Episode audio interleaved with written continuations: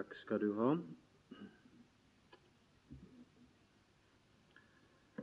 Vi skal lese litt fra Johannesevangeliet, kapittel 4. Og jeg begynner i det 39. vers.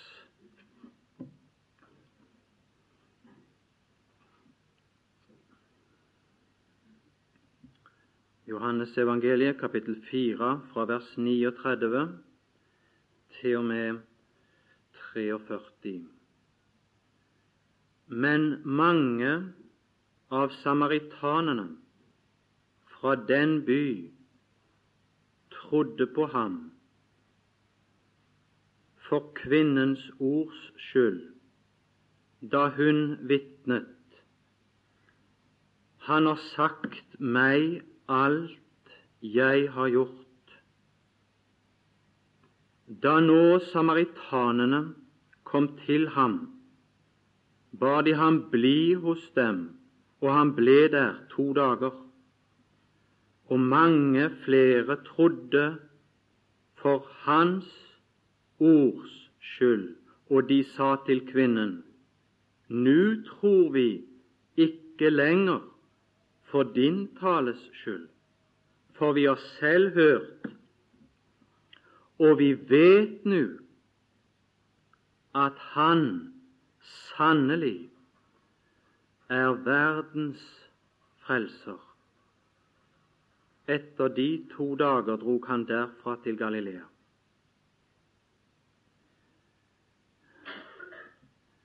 Det er noe spesielt vi får høre om i dette kapittel.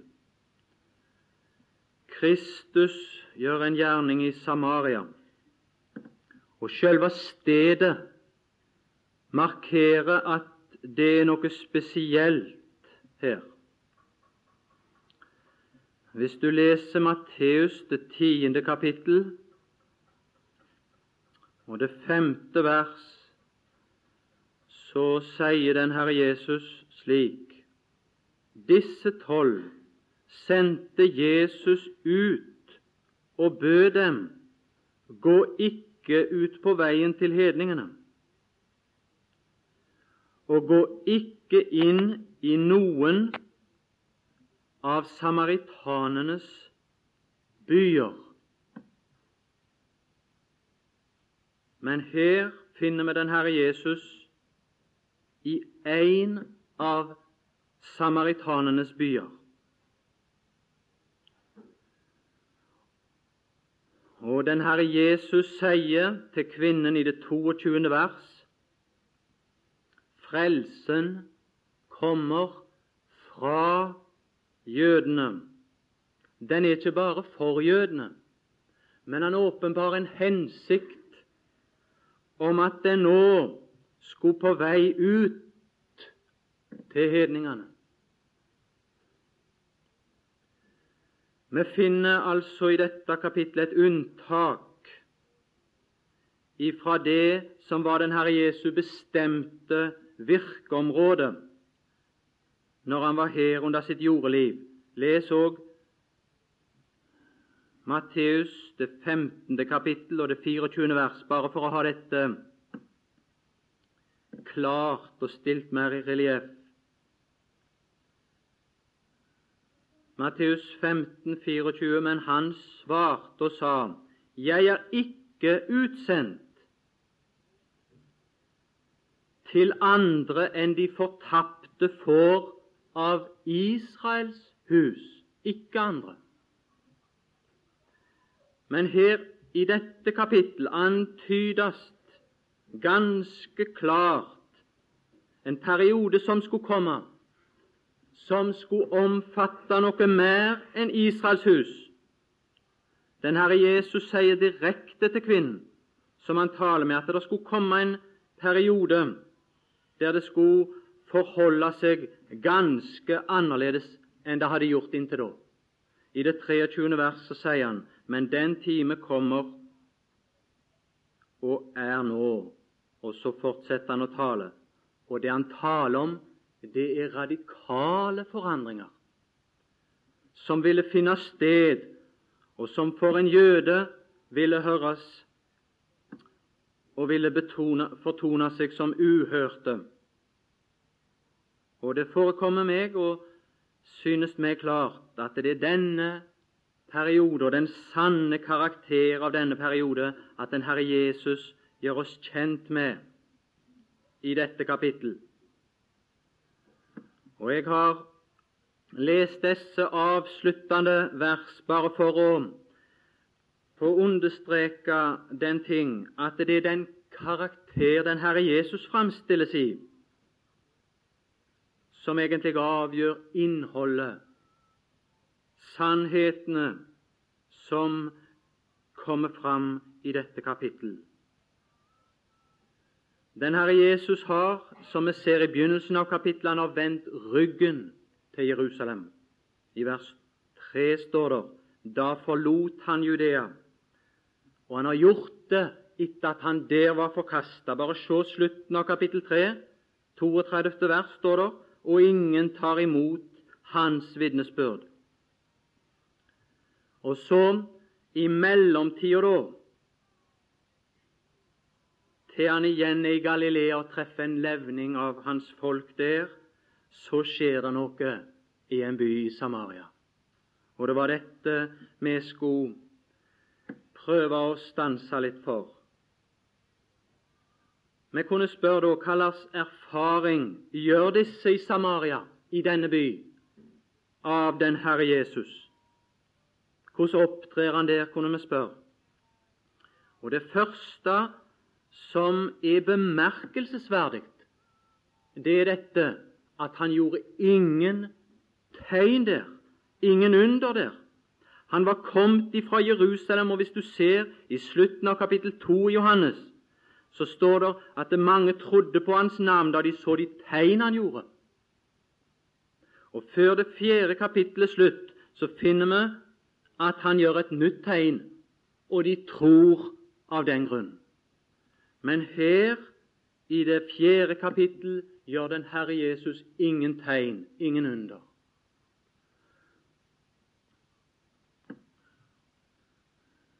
Og Jeg vil bare få understreke da dette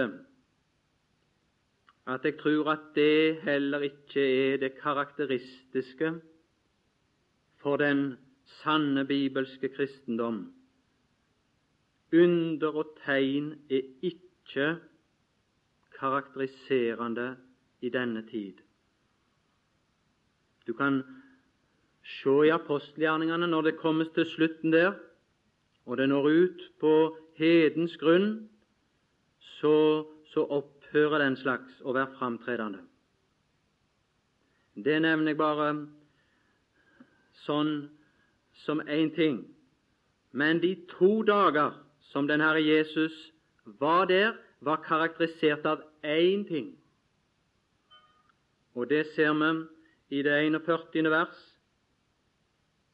Hans ords skyld. Han virka der, den Herre Jesus, bare ved sitt ord og sin forkynnelse. Og det tror jeg er karakteriserende for denne tid, kristendommens tid, den mellomperiode mellom den Herre Jesus snudde ryggen til Jerusalem, og han til han snart skal møte en levning av Israel som han skal reise opp, sånn som i slutten av kapittelet. Han har ikke oppgitt sine hensikter med sitt jordiske folk, men de er utsatt.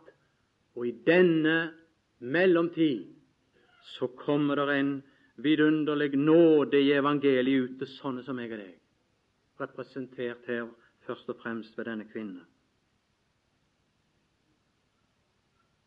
Og så da i det 43. vers etter de to dager så drog han til Galilea. Jeg vil bare lese et vers ifra Osea, sånn at vi kan ha hele bildet for oss, sånn at det blir fullstendig.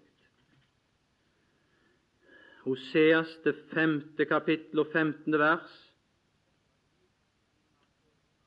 En dag så skal denne nød i Kapernaum, som slutten av kapittel fire forteller om, den nød skal finnes i Israel i en langt mer omfattende karakter i framtiden, og da skal Herren gripe inn. Det står i kapittel 5 og vers 15, den, her, den Herre Jesus sier, 'Jeg vil gå min vei'. Han forlot sitt folk. 'Jeg vil vende tilbake til mitt sted, til mitt sted'. Og du kan jevnføre det med Peters tale når han sier 'som himmelen skal huse'. Men ikke alltid, men inntil. Og dette inntil kommer igjen her. Inntil de erkjenner seg skyldige og søker mitt åsyn. Og så står det hva tid det skal skje. Det skal ikke skje ved forkynnelse, men i sin trengsel. I sin trengsel skal de lete etter meg. Og hvordan skal de gjøre da? Jo, da ser vi videre i kapittel 6 vers 1. Kom. Det skal være noen som sier kom. Kom, la oss vende om til Herren, for det er Han som har sønderevet. Han vil også lege oss. Han slo, men han vil også forbinde oss. Han vil gjøre oss levende etter to dager. På den tredje dag vil han oppreise oss, og vi skal leve for hans åsyn. La det være sagt at slik er hans hensikter, men så var det for å, å stille det i kontrast til dette. Det typiske, det særprega i dette kapittelet fra vers 1 til og med 42 det er Hans ord. Hans ord. Og jeg vil spørre hva er det som er så særegent med Hans ord? Det er særegent fordi det er Hans ord.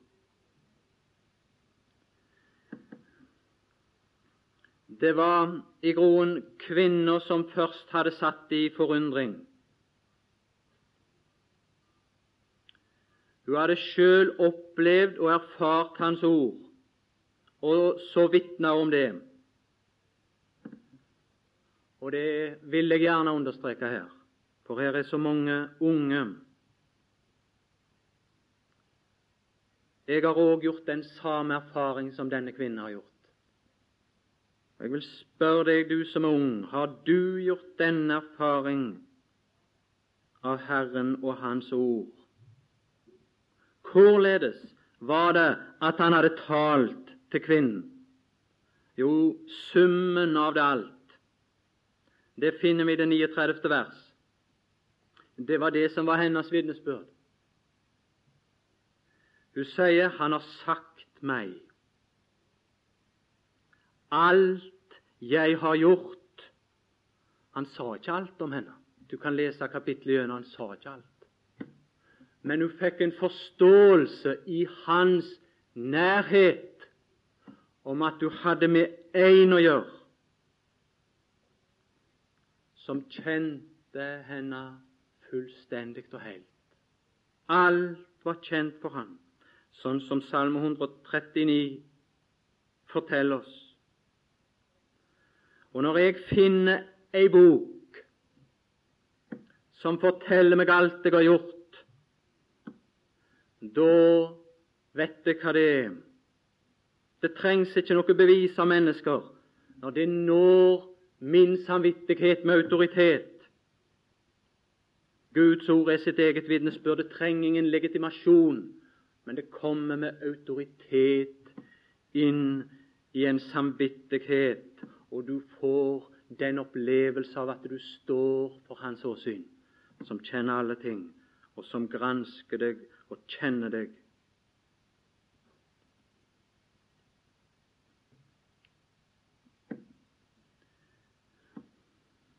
Slik er Guds ord, slik er Hans ord. Jeg tar ikke jeg tar ikke ha bevis fra andre for at det er Hans ord. Hans ord har en så særegen karakter. Jeg tar ikke et talgalys med meg ut for å se om sola skinner. Det, det er helt unødvendig. Hvis du ikke ser at sola skinner, så beviser det kun din tilstand at du er blind. Men det er ikke den eneste ting. Det bringer Guds autoritet inn i en sjel og når samvittigheten, men vi trenger noe mer enn det. Det er nødvendig, men det er ikke det alene som er nødvendig. Hva var det mer med Hans ord? Det var den tingen med hans ord at aldri hadde noen talt til henne om alt hun hadde gjort, på en sånn måte som han talte. Han dvelte ikke ved det hun hadde gjort for å plage ham.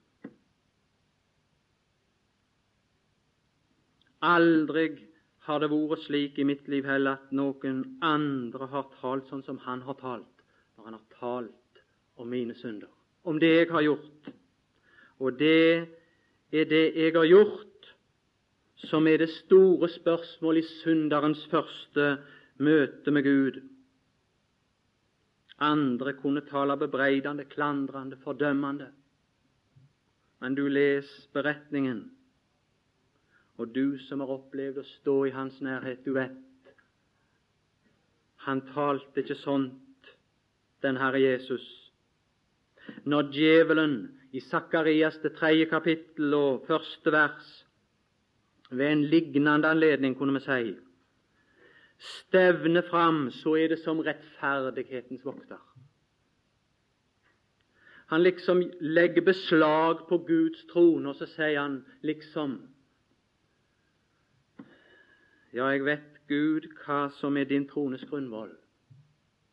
Jeg, eh, jeg, har ikke forsøkt å funnet på et eller annet når jeg kommer her nå. Men jeg påberoper meg bare rettferdighet. Det var slik djevelen gikk fram der. Og han brukte rettferdigheten imot Josva som sto der, og så anklagde han han. Men den Herre Jesus er aldri sånn. Den Herre Jesus, han anklagde ikke, men den Herre Jesus, han var en tilflukt ifra anklagen. Og så er han slik at han vinner til Gud. Det var ikke en frastøtende måte den Herre Jesus talte til henne om det hun hadde gjort.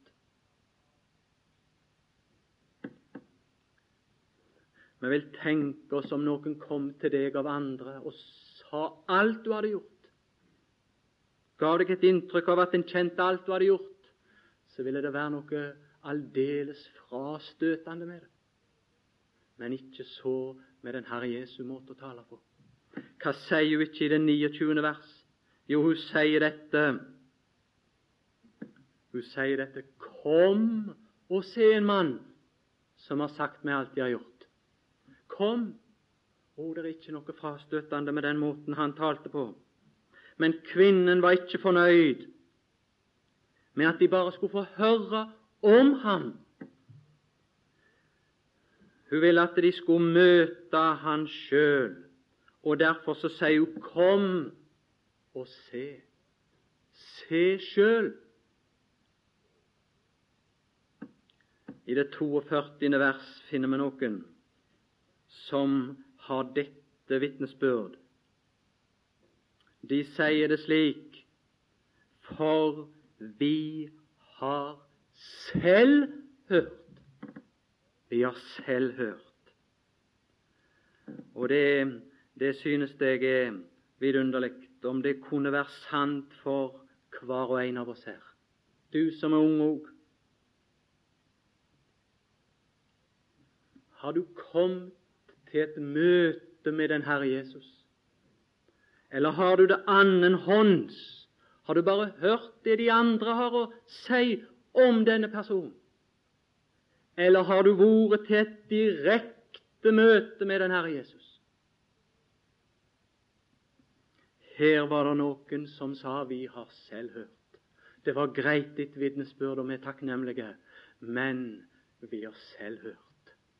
De hadde hørt først kvinnens ords tale, men de hadde nå hørt hans ords tale sjøl direkte. Er det din erfaring? Har du møtt den Herre Jesus direkte, så han har talt til din sjel? Hvis så er tilfellet, så har det avstedkommet et resultat av det møtet. Og jeg er så lykkelig på den bakgrunn, fordi jeg vet at jeg har hatt et sånt møte at jeg selv har hørt. Jeg har vært i hans nærhet.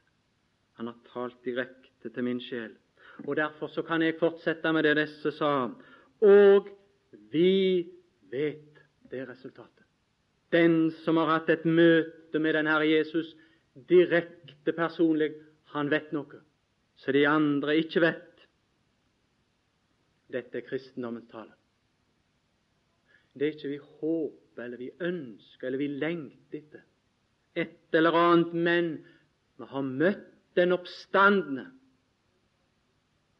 og han har talt til oss. Nå var det dessas forrett å høre den, Jes, den Herre Jesu muntlige tale. Men Johannes han sier i sitt første brev uttrykkelig og klart at vår forrett er ikke mindre av den grunn når det gjelder dette å kunne si 'vi vet'.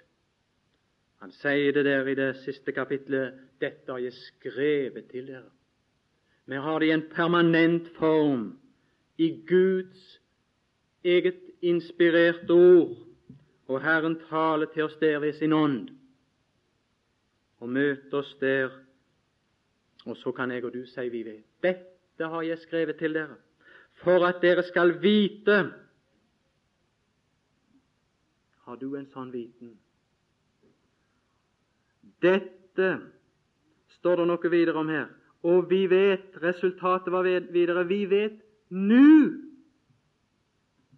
Det er noen som sier dette slik at vi er frelst i håpet. Så, så det, det, er nå foreløpig usikkert, dette her. Vi venter og ser framover i spenning og med en blanding av frykt og håp.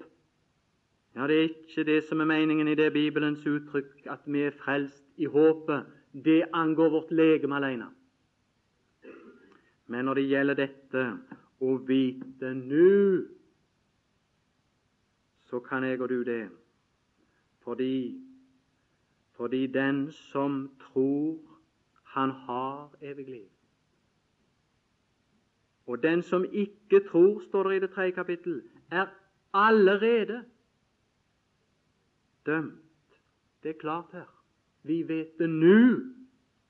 Vet du som er unge det her og nå, eller håper du på bare at det skal bedre seg litt etter hvert? Vi vet nå at han sannelig Det er sikker kunnskap, dette. At han sannelig er verdens frelser. Han har kommet her med en sånn omfattende, vidtfemnende hensikt om frelse, sånn at sjøl jeg skulle ikke være utelukka. Sjøl ikke du skulle være utelukka. Han kan være din frelser, fordi han kom her med denne vidunderlige hensikt å være verdens frelser. Og det er dette kjennskap til Herren en sjel som har bor i hans nærhet og fått dette fortalt. Han har sagt med alt. Når samvittigheten er nådd, så er det dette som er balsam. Så er det dette som er det viktige å vite, det vidunderlige å vite. Måtte det være sant for hver og en av oss.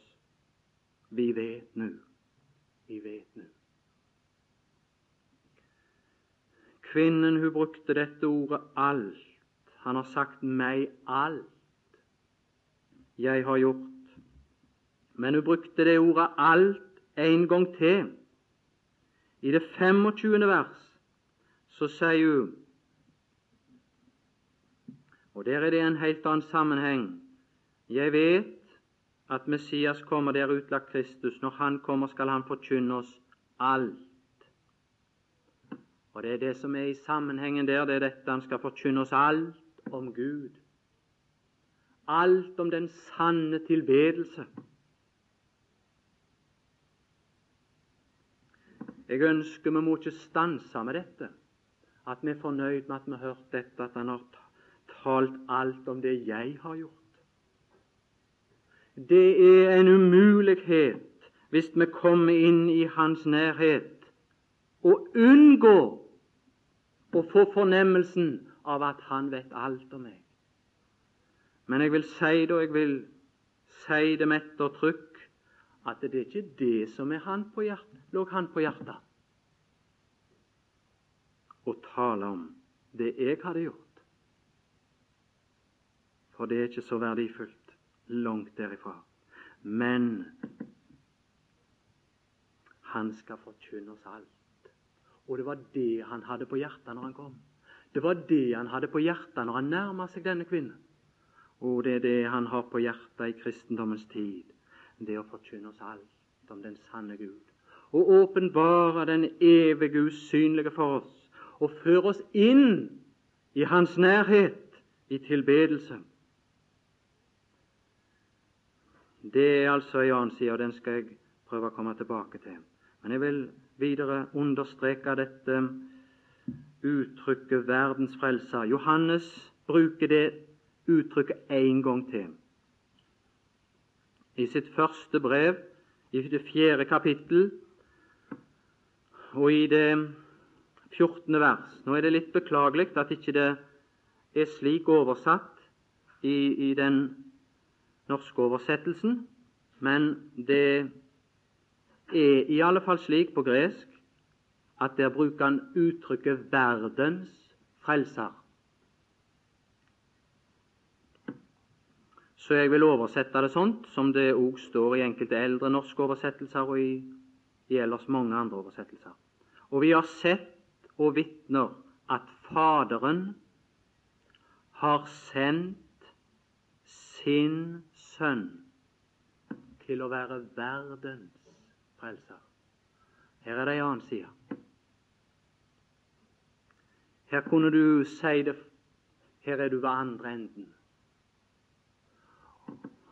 Og jeg lurer på hvor mye enhver av oss har inntatt av denne sida av saken. Én ting er den sannhet som kapittel 4 av Johannes, der som jeg leste, viste at det er en som blir nådd i sin samvittighet, overbevist i hans nærhet om det en har gjort, og så tal til på den tiltrekkende måten.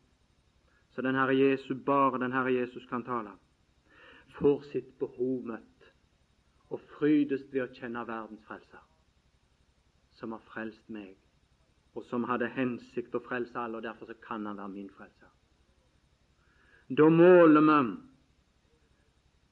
sannheten om verdens frelser ut ifra vårt behov, og så er vi lykkelige i det. Selvfølgelig. Det er det første behov.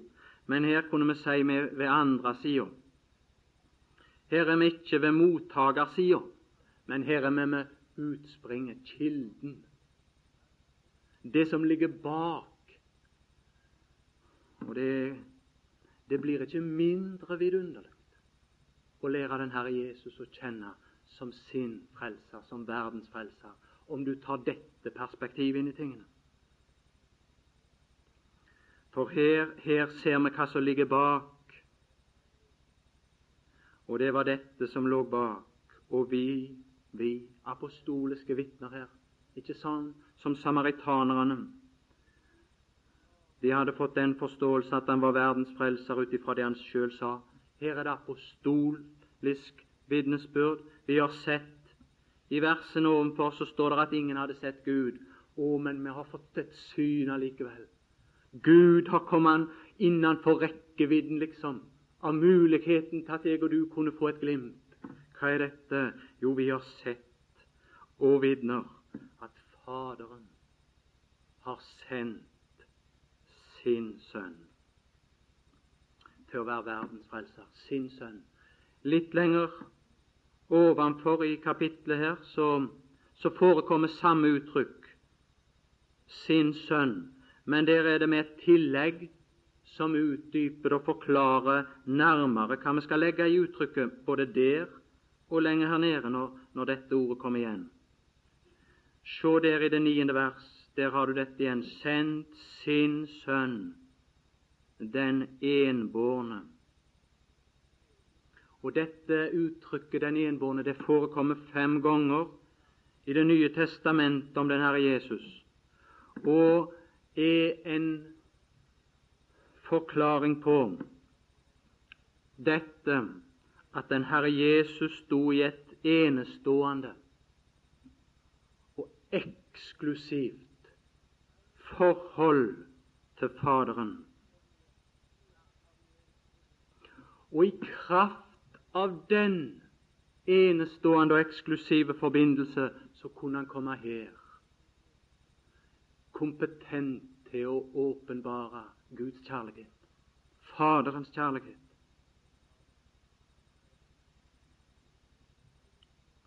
Og det er nettopp her i, i hans persons storhet at jeg og du kan få et lite glimt av dette som lå bak når han kom og møtte vårt behov. Jeg leser bare et lite forbilde. Jeg skal ikke ta mye tid, men bare kort understreke litt av dette. Det, det må du grunne på i stillhet for at det skal bli ditt hjerte til vederkvegelse, det tror jeg. Om en sier bare noen enkle ord om det, det, det nytter ikke. Men om du kan gå inn og nyte kilden til velsignelsen, så har du langt mer å nyte enn om du får dråpene ved enden av vannledningen, om du kunne si et sånt bilde. Men Hebreerbrevet, det ellevte kapittel, der finnes det om noe som vi kunne bruke som et, et forbilde. Og det, Der står det liksom noe som, ikke jeg kan forklare, men som du må prøve å gå inn i. Det står i det 17. vers der ved tro ofret Abraham Isak den gang han ble fristet eller prøvet, som det vel ville vært bedre sagt. Og så kommer det noe da som du føler er litt sånn følelseslada. Om du forstår det på en god måte ja.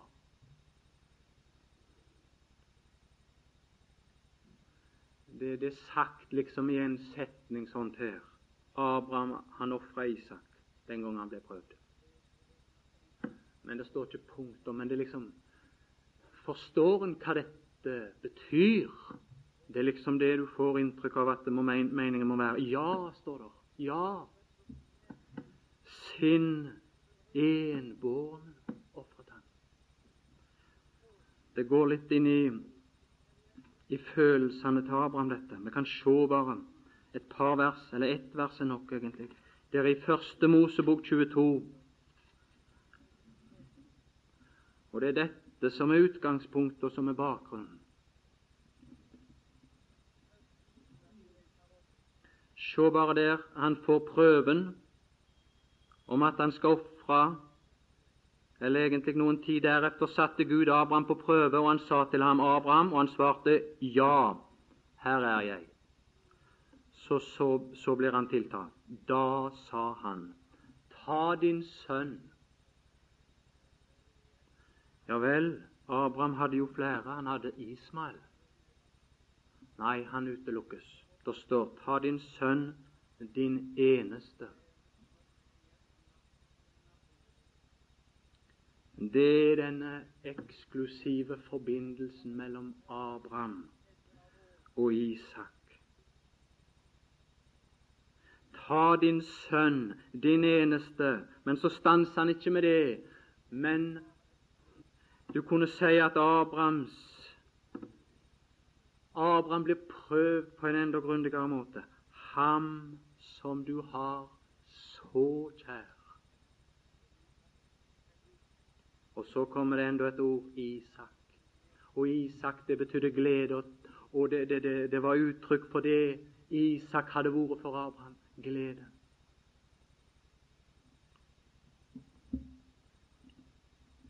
Tenk på dette, ta, ta, ha dette med deg inn i uttrykket der i første Johannes brev, i et langt høyere forhold, i en evig forbindelse mellom guddomspersoner, så lukkes vi inn i denne sannhet. Faderen har sendt sin sønn og det var den enbårne det dreide seg om. Hva tror du det, det var noe der som rørte seg, som ikke jeg og du kan gå inn i, men som vi kan tenke på med ustyrtelig glede, og at Faderen kunne ha sånne tanker. Og så sender sin sønn. Det står både dette at han sendte om den Herre Jesus, og at han var utgått. Hvis du ser i Johannes det 17. kapittel, så står det i det åttende vers For de ord som du ga meg, har jeg gitt dem, og de har tatt imot dem og kjent i sannhet at jeg er utgått fra deg. Det jeg sier, at den Herre Jesus i kraft av sin egen person og etter sin egen vilje gikk ut ifra Faderen for å gjøre denne gjerning. Men så står det en annen ting som skilles ifra dette, og de har trodd at du har utsendt meg. Og det, og det er denne sida som legges vekt på her i 1. Johannes brev. Du Faderen som et opphav. Faderen som et kildespring for denne velsignelse som er kommet meg og deg til del. Har vi betrakta det, har vi gått inn i dette. Det var Faderens, det var Guds kjærlighet som beveget han til å sende. Du ser de versene overfor. Ved dette er Guds kjærlighet åpenbart iblant oss, at Gud har sendt. Der var den åpenbart men det som bevega det som bevega han, var hans kjærlighet, men det som var bakgrunn, det var vår tilstand. Hvis du ser der i det niende og tiende vers Nå begynner tida å gå fra meg, så jeg må visst bare hoppe forbi det, men der ser du vår tilstand blottlagt. Som, som var, var den bakgrunn hvorpå dette kommer til oss. Faderen har sendt sin sønn til å være verdens frelser. Ja, men hva var den tilstand jeg og du befant oss i når sånne vidunderlige tanker Og på hvilken bakgrunn var det Faderen sendte? Til å være verdens frelser. Jo, det var dette at vi hadde ikke liv, ikke hans liv. Og det var behov for soning om jeg og du skulle leve.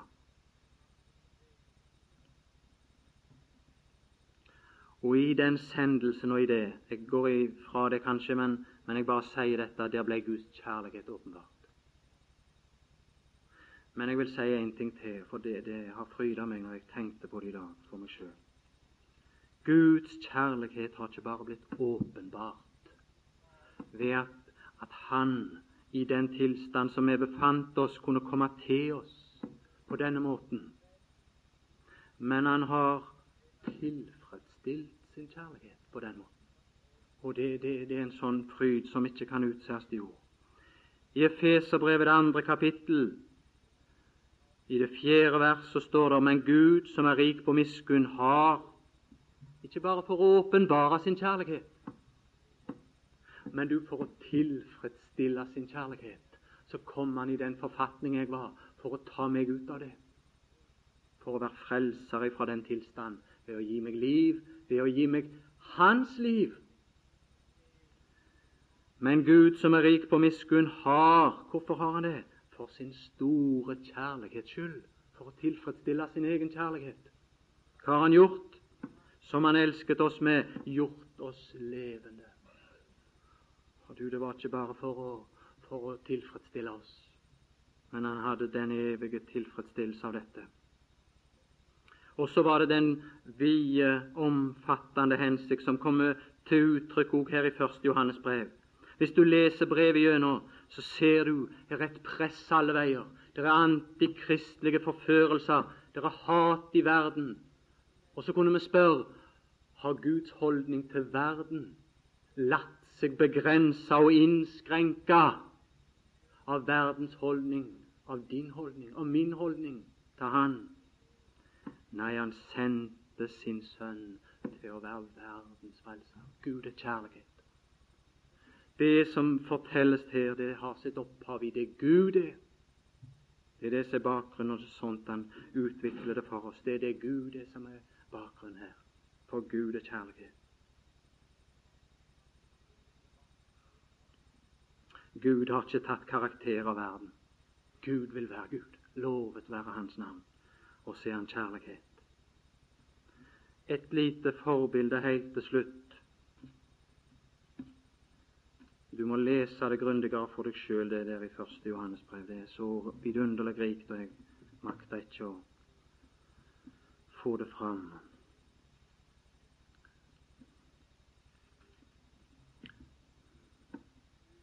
Vi finner i Første Mosebok et forbilde på den Herre Jesus nettopp i denne karakter. I Johannes 4 finner vi Kristus forkasta av Israel I han for tida hadde vendt ryggen mot Jerusalem fordi han var forkasta der.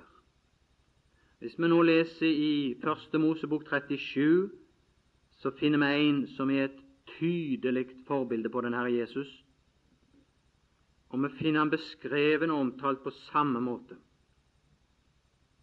Jeg skal bare lese det kort, siden tida begynner å renne ut for oss. Det står i det fjerde vers, kunne vi bare lese. Og da hans brødre så at deres far hadde ham mer kjær enn alle hans brødre, hatet de ham og kunne ikke tale vennlig til ham. Tenk deg ut i evangeliene. Litt lenger nede så blir det hatet intensivert og forøka. Så kommer vi til 14. vers. Der står det om, om, om et forhold mellom en fader og sønnen. Og så står det på slutten av verset så sendte han ham av sted fra Hebrondalen. Og så kom han da, og så ble han forkasta. Men så kommer vi til det 41. kapittel, og det kan du gjerne sette den overskrift på, om du vil, fra fengselet til tronen. For det er nettopp uh, i en sum innholdet av det kapitlet. Og det er nettopp sånt Josef framstilles. Han kommer på tronen, og så får han et navn når han er kommet på tronen. Og det var det navnet jeg bare ville minne om. Og med en gang han er kommet på tronen, så hører vi om vidunderlige forbindelser som han oppretter han får en brud når han er kommet til troen. Og det står om hans sønner og alt dette før hungersnøden. Før hungersnøden. Men jeg leser der og farao gav navnet Josef navnet Sofnat Panea. Og etterpå han hadde fått det navnet Og det navnet fikk han først når han var på tronen.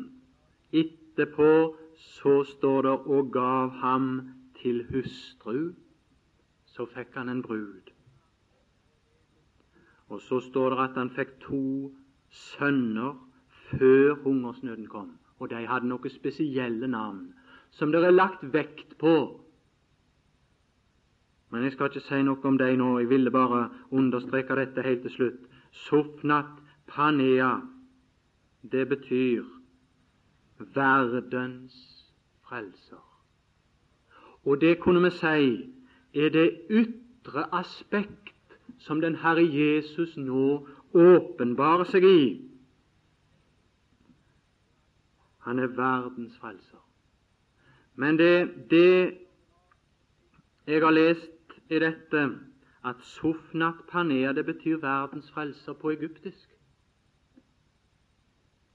Men på hebraisk så, så fikk det en annen betydning. Og det fikk betydningen åpenbarer av hemmeligheter.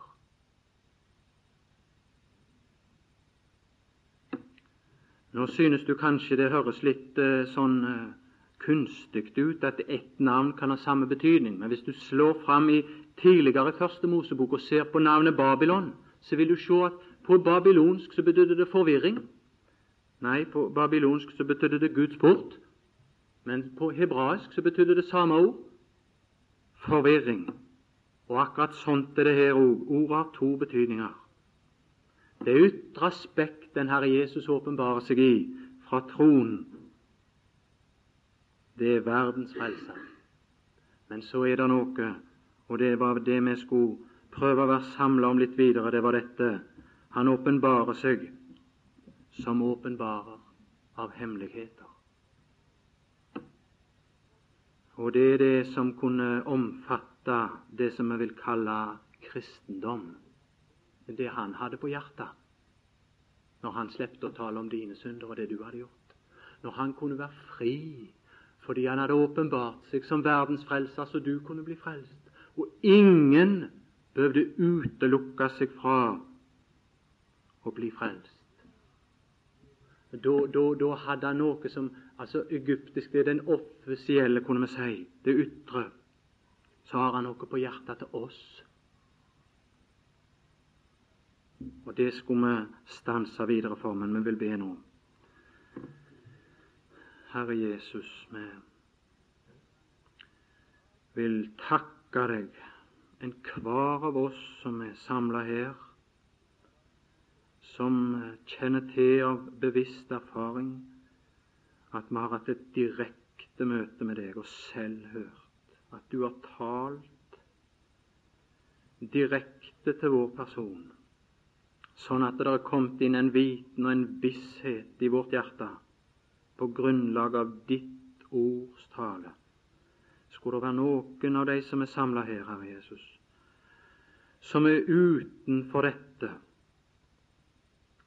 så ber jeg om du kunne velsigne de med at din tale kunne nå inn til deres hjerter ved Den hellige ånds kraft. Det ber vi om i ditt eget navn. Amen.